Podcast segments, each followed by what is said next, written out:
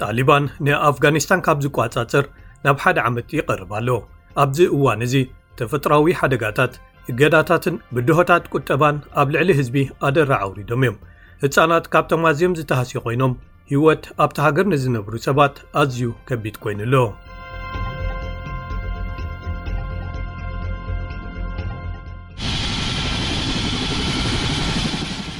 ዝሓለፈ ወርሒ ምብራቓዊ ክፋል ኣፍጋኒስታን ሓያል ምንቅጥቃጥ መሬት ምስ ሃረሞ ብዩኒሴፍ ዝቐረቡ ኣገደስቲ ነገራት ካብቶም ብነፋሪት ዝኣትዉ ኣቑሑት ነይሮም። ኮቦርታ ጫማን ናይ ቁሪ ክዳውንትን ነቶም ቤቶምን ንብረቶምን ዝሰኣኑ ሰባት ንምዕዳል። እቲ ትካል ረድኤት ዳርጋ ሓደ ዓመት ጣሊባን ናብ ስልጣን ድሕሪ ምምላሶም ዘስካሕክሕ ምስሊ ኩነተ መነባብሮ ኣብ ኣፍጋኒስታን ሂቡ ኣሎ። ዕስራን ኣርባዕተን ሚልዮን ኣፍጋኒስታናውያን ልዕሊ ፍርቂ ካብኣቶም ህጻናት ህጹጽ ሰብኣዊ ሓገዝ የድልዮም ኢሉ እታ ሃገር ኣብ ውሽጢ ሰላሳን ሸውዓተን ዓመታት ዝኸፍኣ ድርቂ ተሕልፍ ኣላ።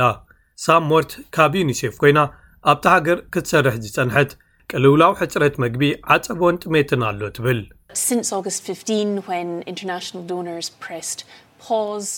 ካብ ዓሰርተ ሓሙሽተ ነሓሰ ኣህጉራውያን ለገስቲ ሓገዝ ደው ክብል ካብ ዝውስንሉን እቶም እገዳታት ካብ ዝትግበርሉን ጀሚሩ ህይወት ንህዝቢ ኣፍጋኒስታን ብፍላይ ከኣ ንህፃናት ዝያዳ ኣፀጋሚ ኮይኑ ኣሎ ስለዚ ሰለስተ ሚልዮን ህፃናት ኣለዉና ክቱር ሕፅረት መግቢ ዓፀቦን ጥሜትን ዘለዎም ሓደ ሚልዮን ካብዚኦም ከኣ ንኣዝዩ ዘኽፈ ሕዱር ዓፀቦ ዝጠቓልዑ እዮም ህፁፅ ፈዋሲ መግቢ እንተዘይረኺቦም ክሞቱ ይኽእሉ እዮም ማለት እዩ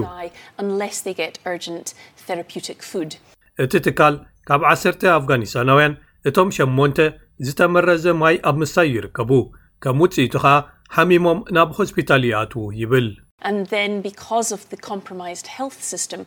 ብምኽንያት ኣብ ሓደጋ ዝርከብ ስርዓተ ጥዕና፣ ብቐሊሉ ክነከናኸሎም ንኽእል ሕማማት ህጻናት ከስፋሕፍሑ ንምልከቶም ኣለና፣ ከም በዓል ፍሮ ማይ፣ ብርቱዕ ውጽኣትን ሕማም ሽሮኽን ከኣ ህጻናት ይቐትሉ ኣለዉ።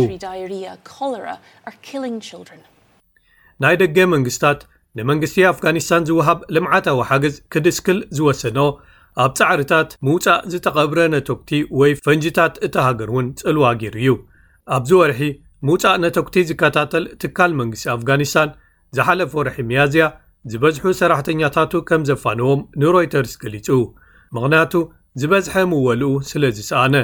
ክሳብ መጋቢት ኣብ ዝነበሩ ሸውዓተ ኣዋርሕ፣ ከባቢ ሰለስተ ሚእቲ ህጻናት ኣፍጋኒስታን ብዝተቐብሩ ነተጕትን ካልኦት ዘይተፈንጀሩ ነገራትን ተቐቲሎም ወይ ኣካሎም ጐዲሎም፣ ብመሰረት ወኪል ሕጻናት ውድብ ሕቡራት ሃገራት።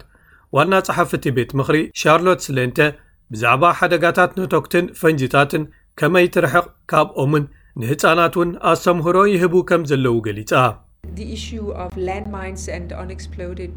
ጸገም ፈንጂታትን ዘይተተኮሱ ነቶግትን ሓደ ኣዝዩ ዓብዪ ጸገም ኣብ ኣፍጋኒስታን እዩ። ኣፍጋኒስታን ብሓቂ ሓንቲ ካብቶም ብዝለዓለ መጠን ዝተመረዙ ሃገራት ኣብ መሬትና እያ። ብመሰረት ሃገራዊ ትካል መጽናዕቲ ዲማክ፣ ዳይረክቶሬት ኦፍ ማይን ኣክሽን ኮኦርዲነሽን ንምፅራይ ፈንጂታት ኣብ ዝምልከት ብሰንኪ ፈንጂታት ልዕሊ ሓደ ሚእቲ ግዳያት ኣብ ወርሒ ኣብ ኣፍጋኒስታን ኣለዉ ኣብ ናይ ቤት ፅሕፈት ወፃ ጉዳያት ኣሜሪካ ዓመታዊ ፀብፃብ ምስግጋር ሰባት ሓምለ 2ስራ ዝተዘርግሐ ማለት እዩ ኣፍጋኒስታን ኣብ መንጎተን መንግስታተን ህፃናት ወታደራት ኣብ ምምልማልን ሰባት ንጾታዊ ባርነት ወይ ግዱድ ዕስክርና ኣብ ምስግጋረን ኣብ ትግባረ ወይ ከኣ ፖሊሲ ዝተዋፈራ ሃገራት ተዘርዚራ ኣላ። ኣብ ትሕቲ ጣሊባን፣ ኣፍጋኒስታን ምቕልባስ ኣብ መሰላት ደቂ ኣንስትዮ ኣርያ ኣላ።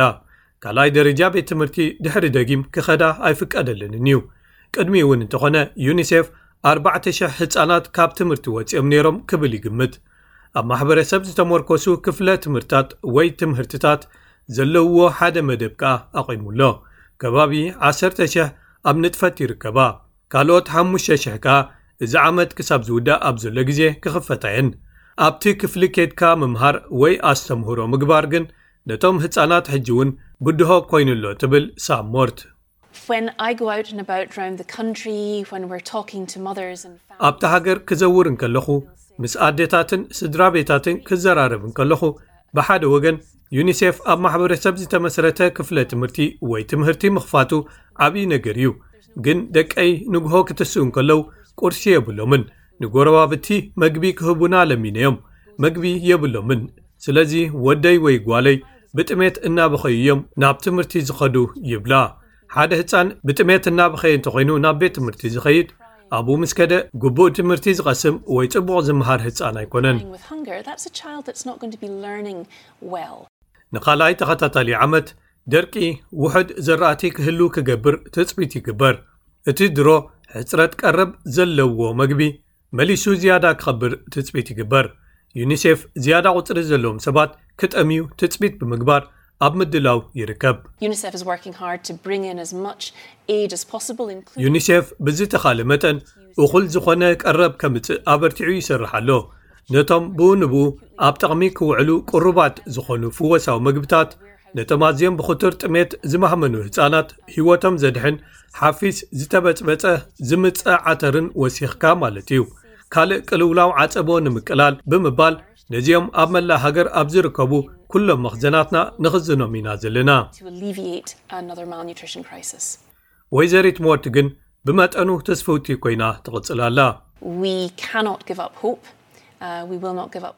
ተስፋ ክንቆርጽ ኣይንኽእልን ኢና፣ ተስፋ ኣይክንቆርጽን ኢና፣ ንሕና ኩሉ ዝከኣለና ክንገብር ኢና፣ ኩለን ኣዋልድ ናብ ቤት ትምህርቲ ክሳብ ዝምለሳ፣ ህጻናት ከብዶም መሊኦም ክድቅሱ ምስ ከኣሉ፣ ህጻናት ክኽተቡ ምስ ረኣና፣ ፖልዮ ከነጥፍኦ ኣዚና ቀሪብና ኣለና ንኣብነት ኣብ ኣፍጋኒስታን ኣብ ከበድቲ ኩነታት ኣይኮናን ዘለና ምኽንያቱ ንሕና ኣብኡ ዘለና መሊስና ዝያዳ ከምኡ ክንገብር እዩ